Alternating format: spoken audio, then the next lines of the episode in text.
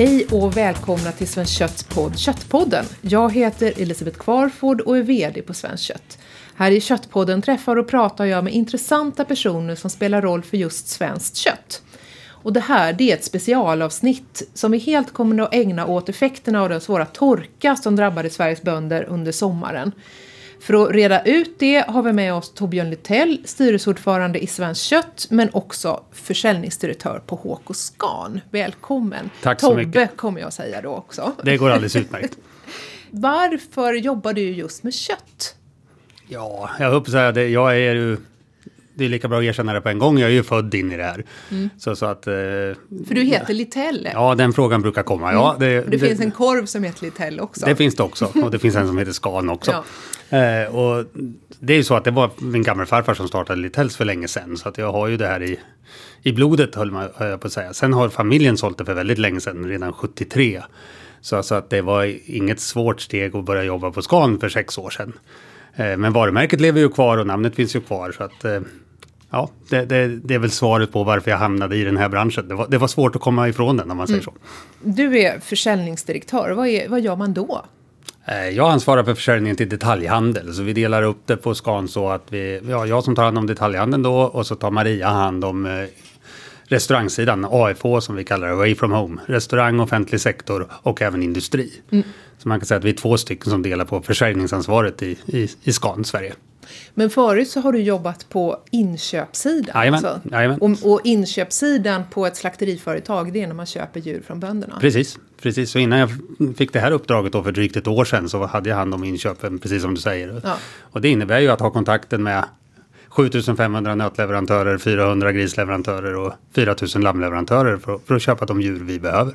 Men det var också därför som jag tyckte att det var alldeles utmärkt att prata med dig just idag eftersom du både vet hur det är att köpa in, alltså det som ska levereras till slakteriet, men också hur det funkar med försäljningen Mm, ut ja. till handel och restaurang. Jag får väl lägga till att innan det så jobbar jag ju på detaljhandeln så jag kan lägga till det också i. Just det. I- i den här vil- diskussionen. Vilken kedja då? Jag jobbade på Axfood, äh, var ansvarig för kött och chark där under Vilket är period. Hemköp och Willys alltså? Yes, Hemköp Willys Tempo. Om du ska fira, vad, är, vad lagar du till middag då? det, möjligt blir ju det här en klyscha då, men det, det är ju, jag är ju en köttmänniska, jag älskar ju kött. Så, och ska jag laga det godaste köttet jag vet från nöt, eh, då blir det absolut entrecote. En riktigt välmelerad, fin, välhängd entrecote. Det, det, det är svårslaget. Eh, sen kan man mycket väl använda gris också när man ska fira och en, en en, en stor gris med tjock fettkappa med mycket smak. En rapsgriskarré med mycket smak. Ja, suveränt. Och sist men inte minst då för att hamna i alla djurslag. Lam, är också svårslaget. Ja. Hur tillagar du det helst? Är du en grillmänniska eller? Ja, du... definitivt. Ja. En grillmänniska. Sommaren har varit tuff kan jag säga. Om vi nu kommer, vi kommer till det så småningom. Men, men eh, grillmänniska året runt. Tradition hemma. Vi grillar 23 december. Aha. Dagen, dagen innan julafton samlas hela familjen nu när barnen är stora och flyger ut. Och så grillar vi en riktigt härlig köttbit. Och sen så går ni in och, och skär upp julskinkan. Typ. Ja. Vi har ju haft en jättekonstig sommar. En del har sagt att det har varit den härligaste sommar någonsin. Mm.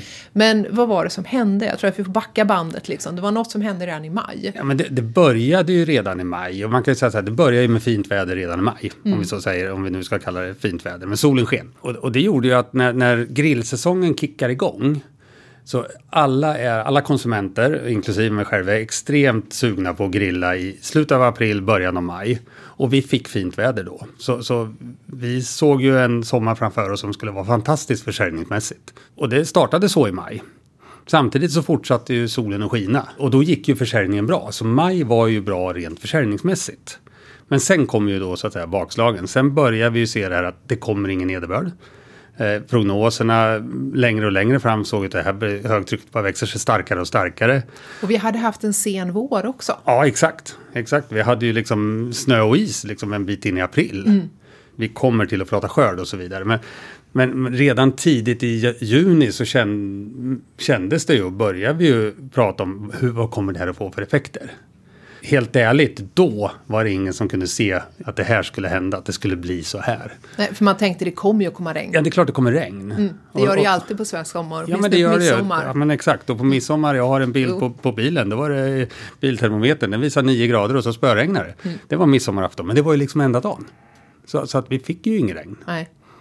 Och, och det blev ju en väldigt märklig sommar. Alltså där dels kan man ju säga i våra kategorier som, som vi jobbar i, alltså kött och skärk kan man säga, även smörgåsmaten.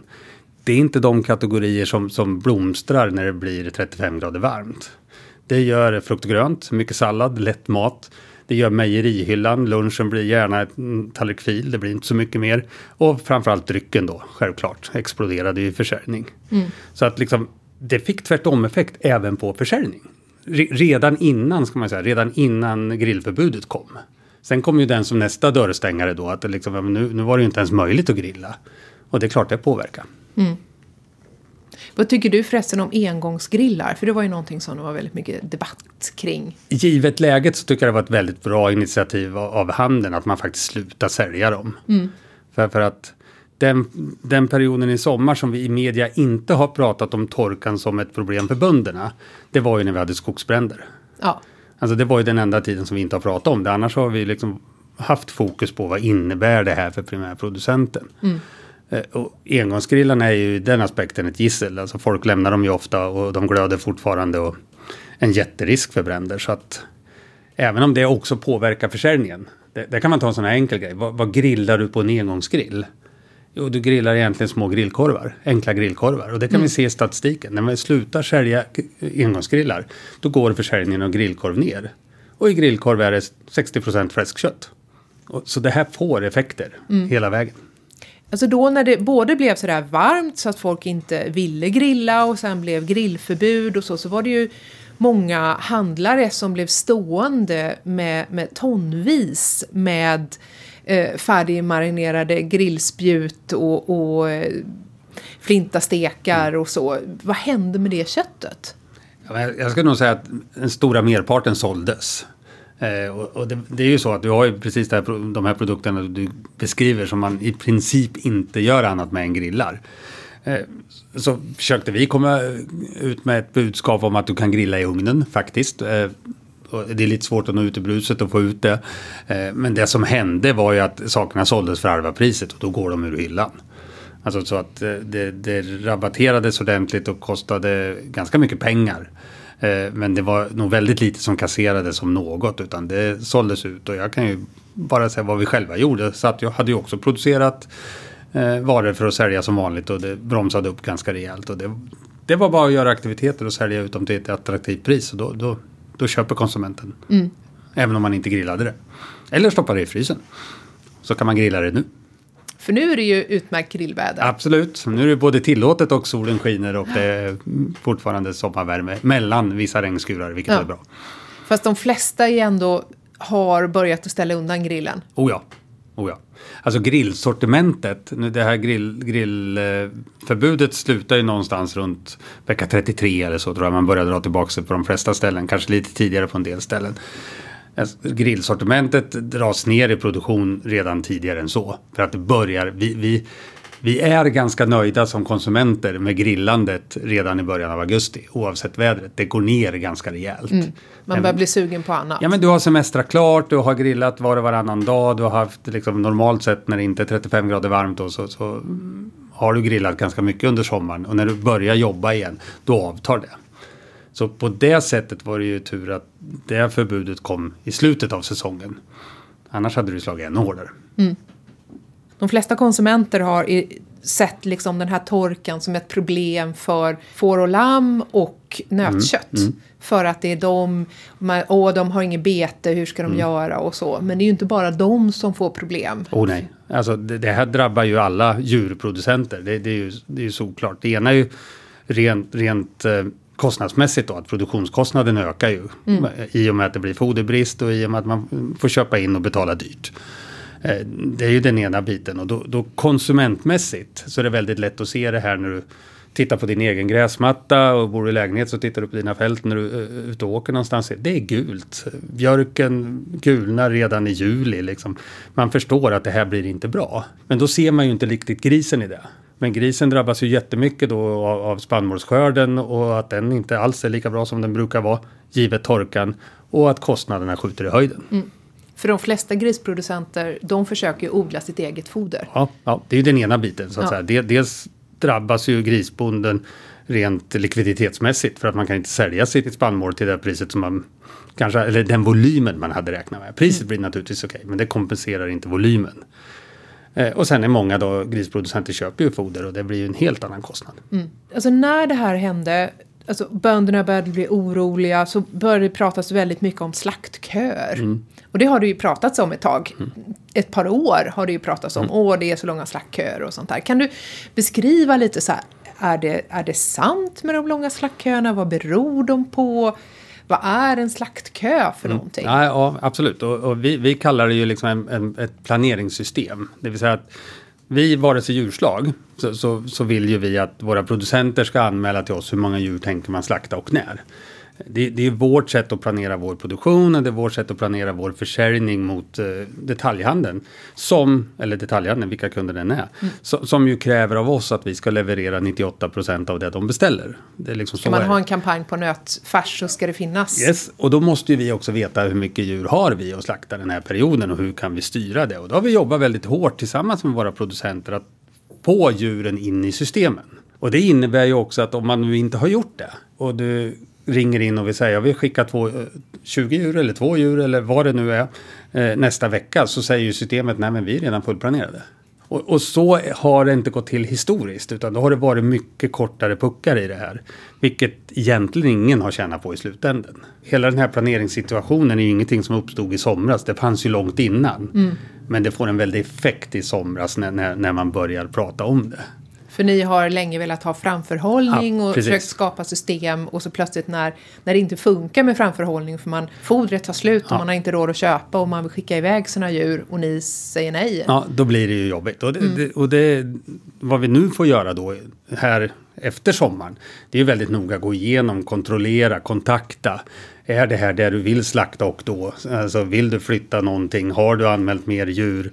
Eller, eller för lite djur för den delen. Och sen också så långt det är möjligt kommunicera med producenterna om kan vi flytta dina djur för du är i ett område där det faktiskt är ganska gott om foder. Just det. Kan till, du vänta till, några exakt. veckor eller någon månad? Ja, precis. så. så. Så, man mm. flyttar om lite grann. Och den förståelsen är väldigt bra för man är, man är kollegor med varandra och man vet att östra sidan och södra sidan av Sverige har drabbats väldigt hårt. Medan mm. andra områden har drabbats mindre hårt. Nu har det ju regnat. Yes. Mm. Så nu har gräset vuxit och, och så. Så att, eh, hur stora är problemen egentligen? Ja, men, alltså, problemen är, man, man, vi ska inte negligera problemen. Det, det ju, vi ska ju vara väldigt glada för att det har börjat regna. Absolut, för gräset har ju satt igång att växa. Och på sina håll så ser man väl lite halvpositivt ut på den här tredje skörden i alla fall. Men vi vet... man, gör, man tar tre skördar vanligtvis av hö. Av, alltså. av hö, av vall som vi säger. Mm. Utan, och då kan man säga den första skörden som man tar någon gång i maj.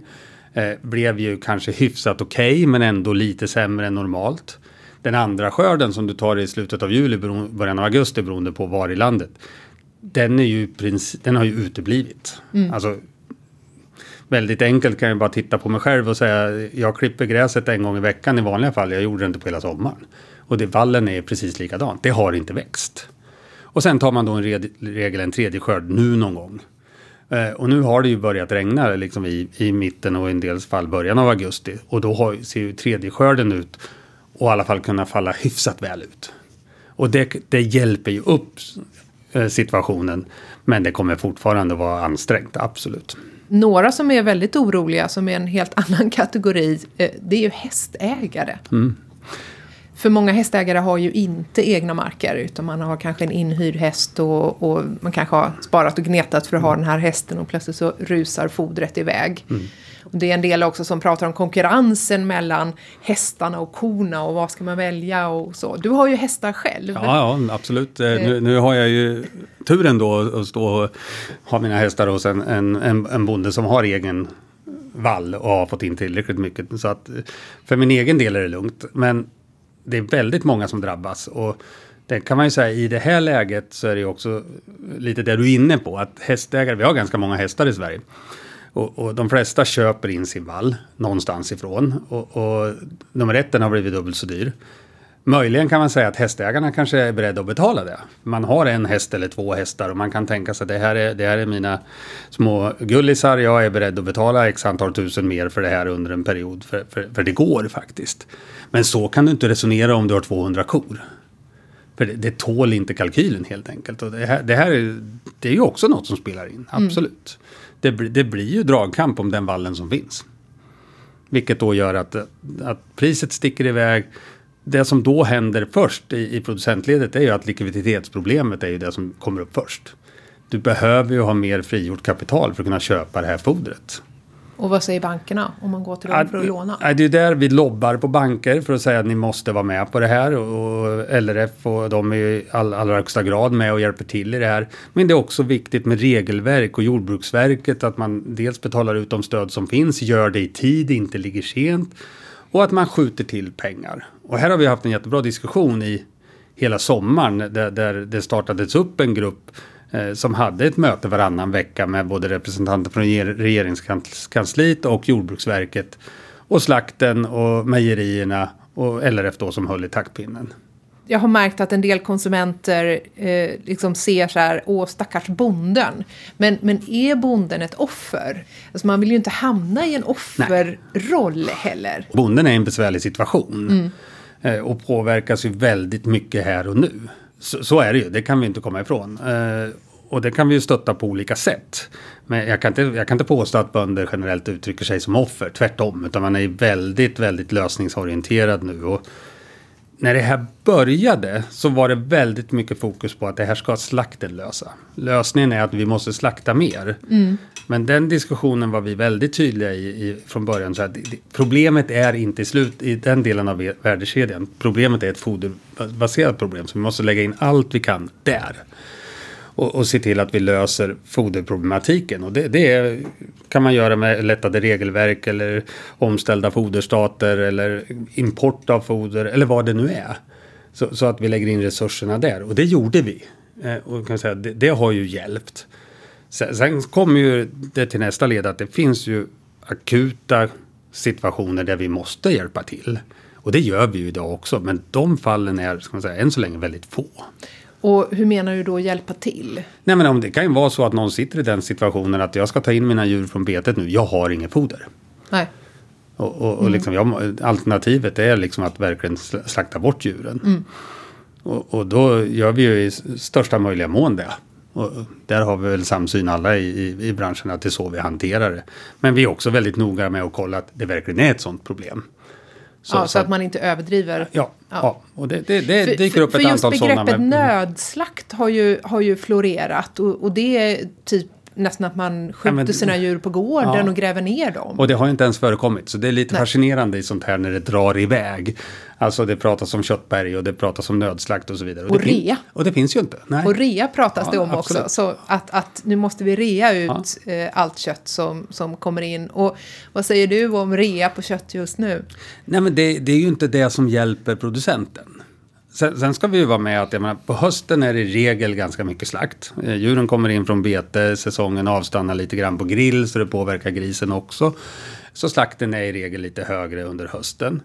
Eh, och då är det ju inget konstigt liksom, i utbud och efterfrågan att, att det blir lite mer kampanjer, man gör något specialpris, flyttar lite volymer. Även, den delen av affären finns ju kvar även idag. Det, det som görs nu är ju också att det trycks på lite extra. Eh, Många olika initiativ från både handeln och restaurangsidan och även offentlig sektor går liksom ut och säger att vi byter bort importerat kött till, till svenskt på kampanjerna. Eh, Och vi ser det i, vår, i våra framtida prognoser att det här kommer att ge effekt. Känner du liksom att handel, restaurang och offentlig sektor verkligen har lyssnat och agerar? Absolut. Absolut, det tycker jag. Och, och man gör, man, jag ska säga så här, vi gör det tillsammans på rätt sätt. Så att säga, det, det ska man flytta volymer behövs det ett attraktivt pris. Det är liksom det är naivt att tro att vi kan göra en kampanj eh, på vilken detaljhandelskedja som helst till ett ordinarie pris och tro att det flyttar sig massa volymer för, för att den Och när du säger flytta volymen, det är så här, sälja mycket kött. Ja, men sälja mycket kött. Ja. Därför att vi skulle behöva öka trycket. Och så, och så tror jag att ja, men konsumenten kommer att köpa därför att vi har berättat om det här med situationen. Den hjälper till en del. Men vi måste ju samtidigt också krydda med, med ett erbjudande som lockar konsumenten. Men, men som, tillbaka till att det gör vi ju alltid. Så om vi bara håller oss inom rimliga gränser så får vi ju en efterfrågestyrd ökning. Och det är det vi är ute efter. I eh, början av augusti så kom det ju ett restaurangupprop Mm. där eh, bland annat grossisterna Martin Servera Mm. och Menigo var med för att eh, säga att uppmana restauranger Mm. att köpa mer svenskt kött till, eh, alltså byta ut eh, det importerade mot svenskt. Har ni märkt en större efterfrågan från Abs- restauranger? Ja men absolut. Eh, Det, det är jätteroligt och det, det är ett gediget upprop och, och grossisterna står bakom och förfrågan kommer. Eh, Så att, så att det, det, är, det är de här delarna som man ser då tillsammans med offentlig sektor ska man säga också att här kommer ju verkligen nya volymer. Alltså på, det, på förhållandevis mycket är ju fortfarande import på restaurangsidan och på offentlig sektor så där finns det ju jättemöjligheter att verkligen öka. Eh, På detaljhandeln finns det också möjlighet att öka, självklart. Men en väldigt stor andel, alltså mellan 80, 90, 95 procent, är redan svenskt. För där har det redan skett en förflyttning Yes. de senaste fem åren. Exakt. Att, Exakt. att, Så, att det, Mm. att de har börjat sälja mycket mer svenskt kött. så, så är det ju. Så där, där är det ju, kan man ju säga, lite extra aktiviteter och byta ut någon eventuell eh, kampanj som har legat på, på om det nu skulle ha varit dansk fläsk eller irländsk eller, eller vad det nu är. Nu är det ju ändå så att ett, ett djur är ett djur och består av väldigt många olika sorters kött. Det är ju inte en och samma, ett, även om det är ett köttslag så är det ju olika detaljer och, och olika detaljer är olika populära. Vilka styckningsdetaljer är svåra att bli av med i ett sånt här läge?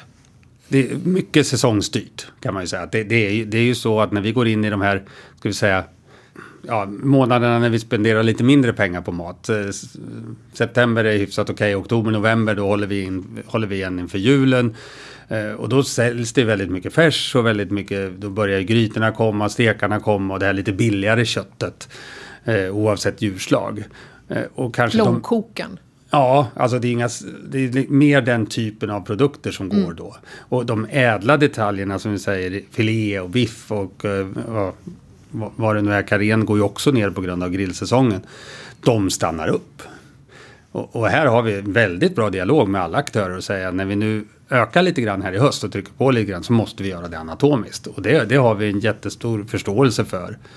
Att, att, och restaurangsidan är, har väldigt bra förståelse för att det går inte bara att öka på biff och entrecote. För att vad ska vi då sälja resten? Men här har ju, har ju vi en jättebra fördel då, liksom, när, när vi på Scania är i alla kanaler. Vi kan ju faktiskt öka lite mer på biff och entrecote på restaurangsidan och sälja lite mer färs på detaljhandeln och så har vi den anatomiska balansen. Men det är viktigt att sälja hela djuret, absolut. För det är ju någonting som, alltså vi på Svenskt Kött har ju verkligen jobbat på det. Mm. Vi har utökat eh, antalet detaljer, vi kom med nya styckningsscheman bara så sent som i somras. Mm. De går förresten att beställa från vår hemsida om det är någon som är intresserad. Eh, och för vi har försökt att röra oss ifrån köttfärsen. Mm. Men just nu så har väl köttfärsen en otrolig betydelse för att bli av med stora volymer. Ja men så är det ju. Alltså färsen på ett nöt är ju nästan 50 procent av det vi säljer. Så, så enkelt är det ju. Men vi är ett färsland också. Så att jag kan säga färsen är inte ett problem just nu. För att vi, vi köper färs som aldrig förr. Ja. Vi gör egna hamburgare, vi gör tacos. Så, Alltså det, det, vi, vi är verkligen bra konsumenter av färs. Eh, Men det, man- det man inte får glömma i det här när man pratar anatomi också, det är charken. Vi pratar väldigt mycket kött nu. Som att, men, en stor del av grisen till exempel är ju charkråvara. Alltså, alltså det är väldigt viktigt att vi säljer korv. Det är väldigt viktigt att vi säljer, säljer köttbullar. Det är liksom hela det sortimentet som också måste ha tryck i försäljningen för att hålla balansen. Så glöm inte smörgåsskinkan. Exaktamente. Eller julskinkan för den delen. Nej, nej, eller när det, när det närmar sig. Den är viktig. Eh, så att om det finns, om man skulle säga så här, om det finns foder nu, när tror man att fodret kommer att ta slut? För det är ändå så att man lägger upp ett lager under sommaren för att det ska räcka hela vintern och, och så. Väldigt olika. Väldigt olika. Där, där man kan läsa idag vissa som, som ja, säger att bra nu fick jag in sista skörden, nu klarar jag mig. Eh, och där det finns andra som säger att men jag tar in mina djur snart, jag har foder till november. Så, så att det, det, det varierar väldigt mycket. Eh, och en del i den här problematiken, ska man ha med sig, det är ju att vi, vi har ju gått från ett tvärtom-problem. Där vi faktiskt förra hösten regnade bort.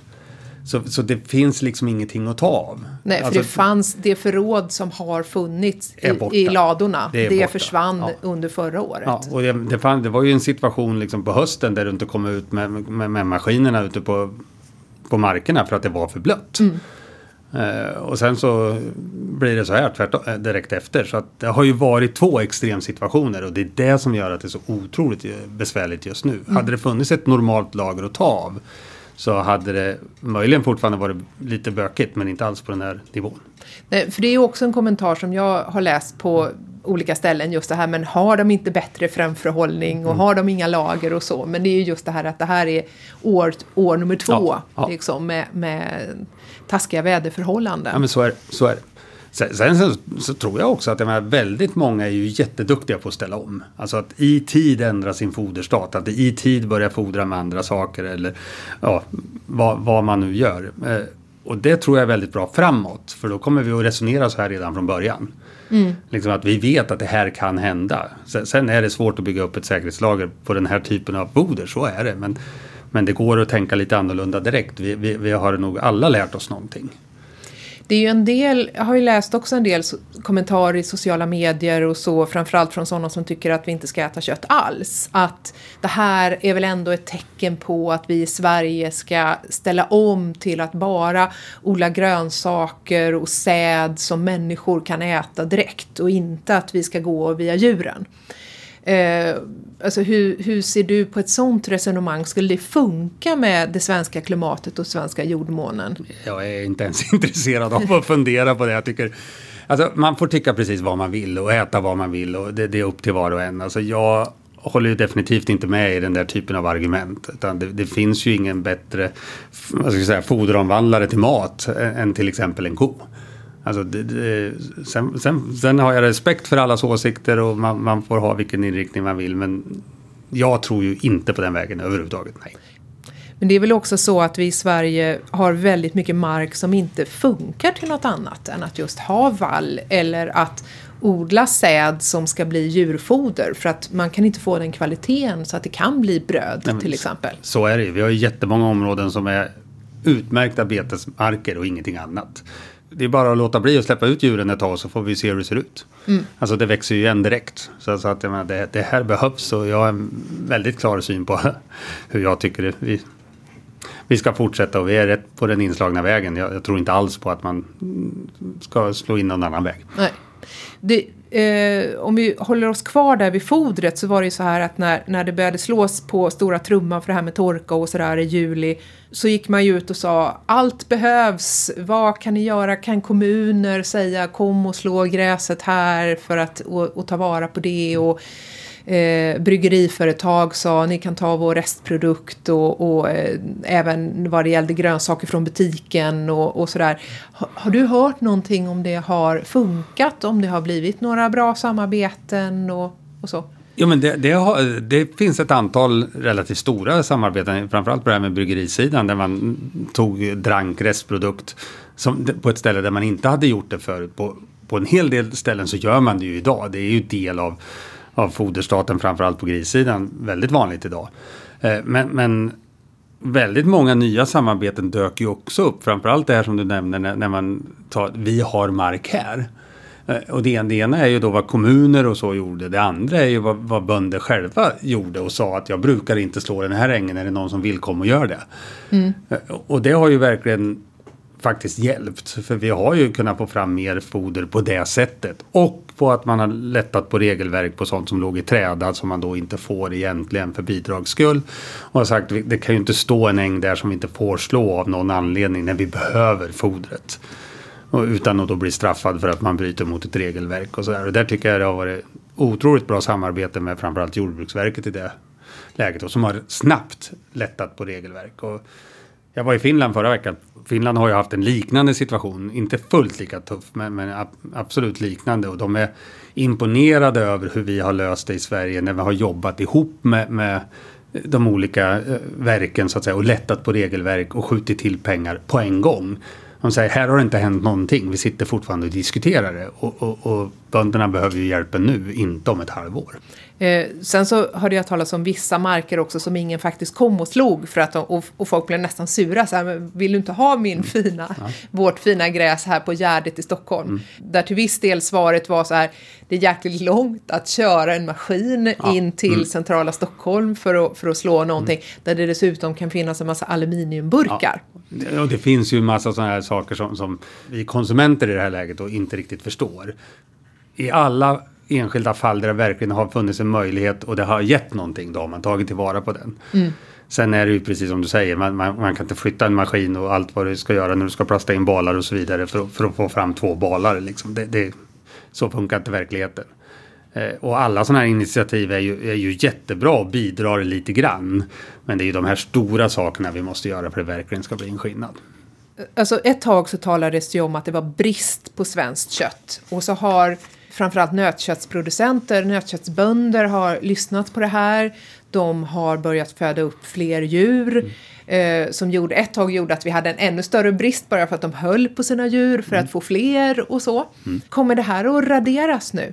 För att man är tvungen att, för att man kommer att skicka iväg djur som man hade tänkt att spara till avel och Nej, jag tror, jag tror absolut inte det kommer att raderas. Men, men ett litet hack i kurvan tror jag nog vi får. Alltså vi, vi, nu finns det inga officiella siffror mer än det första halvåret. Men vi hade ju bra tryck i försäljningen det första halvåret. Så slakten låg ju 5-6 procent över föregående år. Eh, och jag tror inte tillväxten var så stor i produktionsledet. Så där tä- tärde vi lite grann på kapitalet kan man ju säga.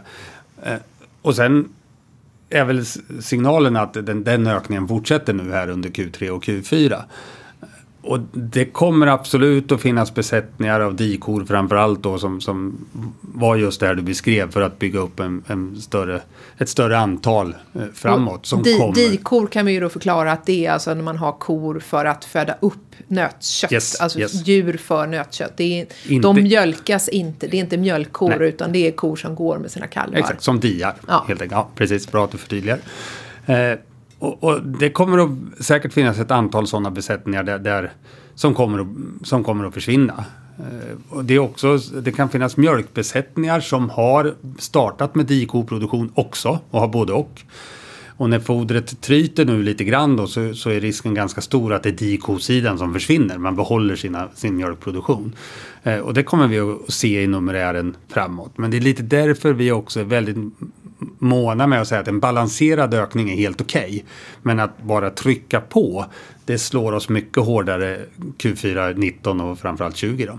En del är också oroade för det här med att importera mer foder. Man är oroad över att få in sjukdomar Mm. och sånt med fodret. Är det, en, är det en reell oro? Alltså är det en befogad oro? Eller Nej, jag ska, inte, jag, jag ska inte gå in och svara på den som, som en expert, höll jag på säga. Jag, jag, tror, jag tror absolut det till viss del är befogat. För, för det finns ju risk för ska säga, panikimport. Liksom säga, för att du, du, bara, ja, men du hittade ett bra och så köpte, köpte man det. Och det finns ju stories redan nu om Ja, man har, man har köpt någonting och så kommer det inplastade balar och när man öppnar dem så är det mm, i princip oätbart. Det liksom finns för man har blivit lurad man har blivit enkelt? lurad helt enkelt. Så, att, så att det finns absolut en risk där. Och, och, men det finns ju ett ganska strikt regelverk för vad som gäller när, man, när det är foderimport. Och det, man får ju förhålla sig till det och då ska det ju vara okej. Men, men risken finns, absolut.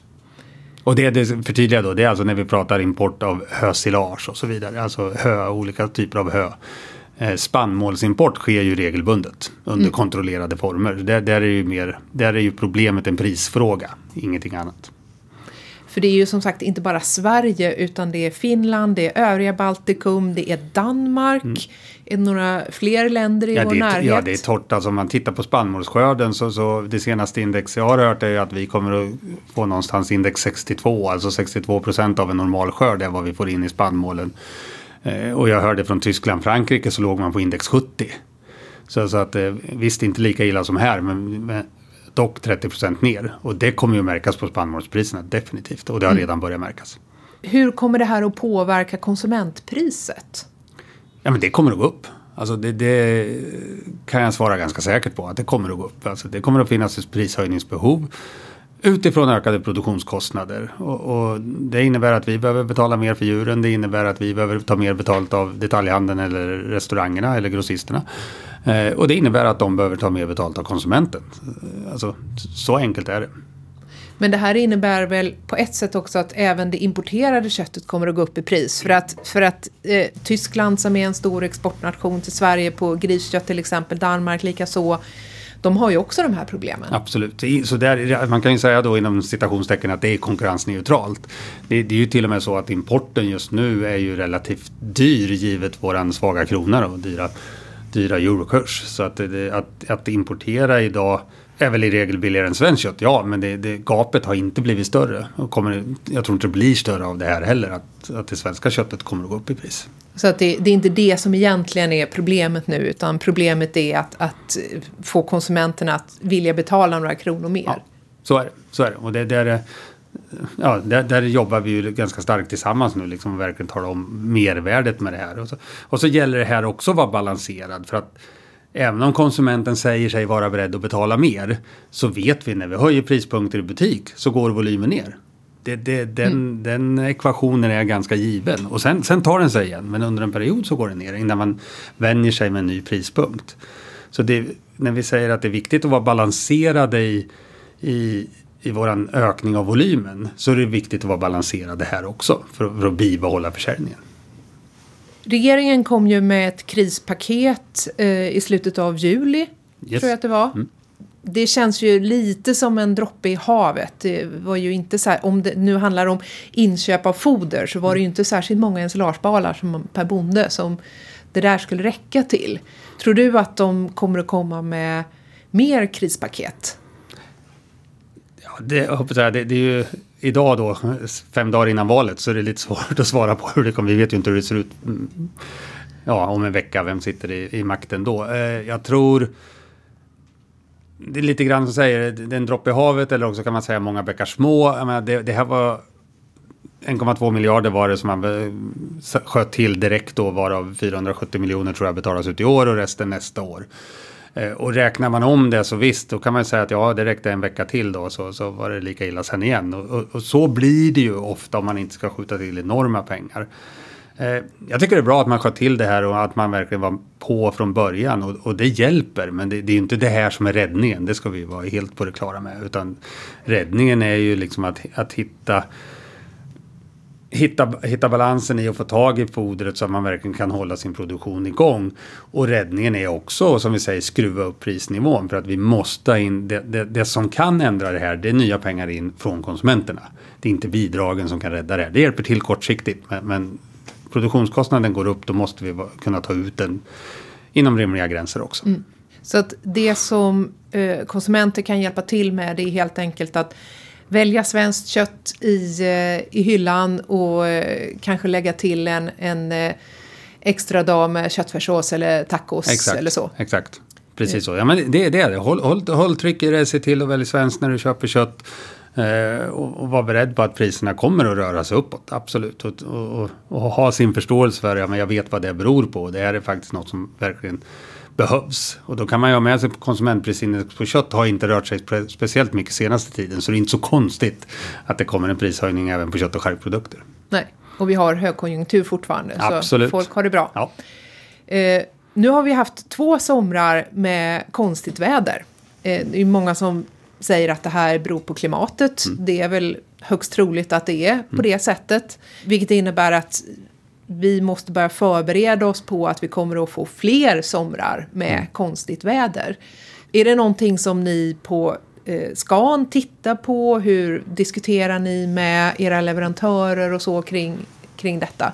Om det blir en ny torkasommar nästa år, vad händer då? Alla, om jag tittar på vad vi gör så jobbar vi mot våra producenter, inte bara med att köpa deras djur, utan vi jobbar ju med rådgivning och vi jobbar med foderstater och vi jobbar med optimering och här, det här gör ju att vi kommer att ha ett helt annat fokus på ja, men hur, hur, hur ska vi ställa om en foderstat och vad ska vi se till att vi kan bunkra upp så att vi är lite säkrare om det här händer igen.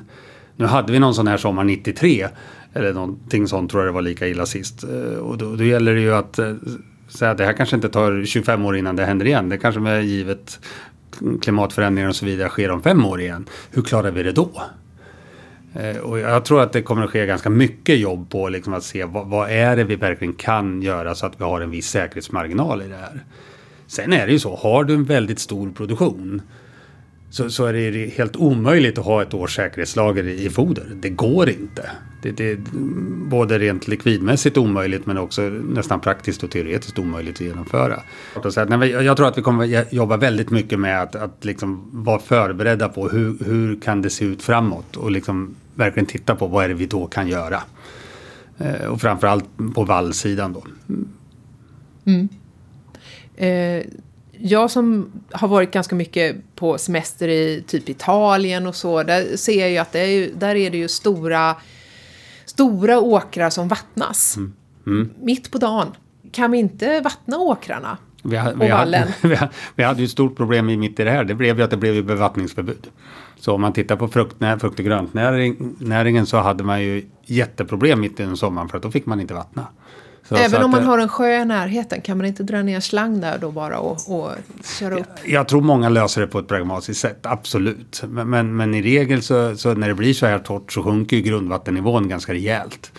Eh, och, och då, då kommer det ju ut regelverk om restriktioner i bevattningen. Mm. Och vi, vi, har ju länge sagt att vatten är inte ett problem i Sverige. Och vattnet kommer, kommer i regel uppifrån. Men, men sådana här extremsommar så blir även vattnet ett problem. Nu börjar vi närma oss slutet här. Eh, jag kan väl bara säga att håll utkik efter märket Kött från Sverige i butik.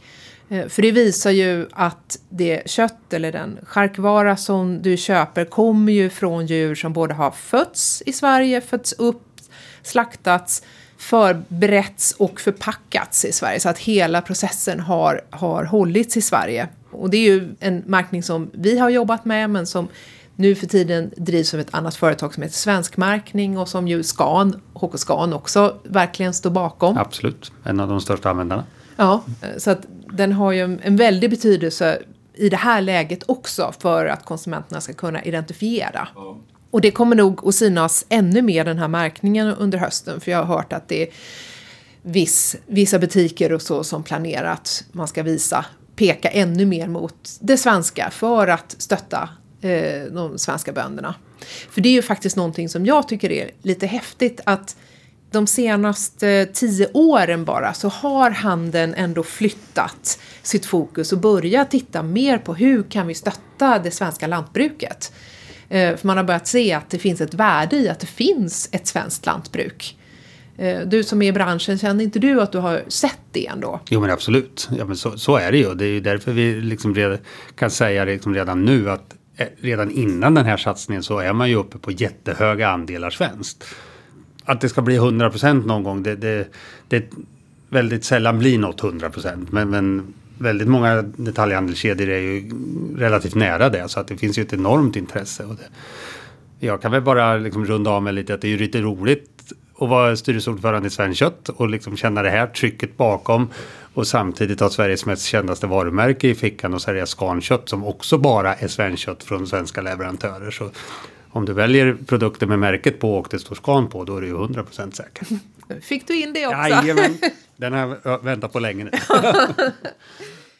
Det var allt för idag. Idag har vi fått lära oss att det här var den andra märkliga sommaren på rad och det har haft en stor påverkan för Sveriges bönder.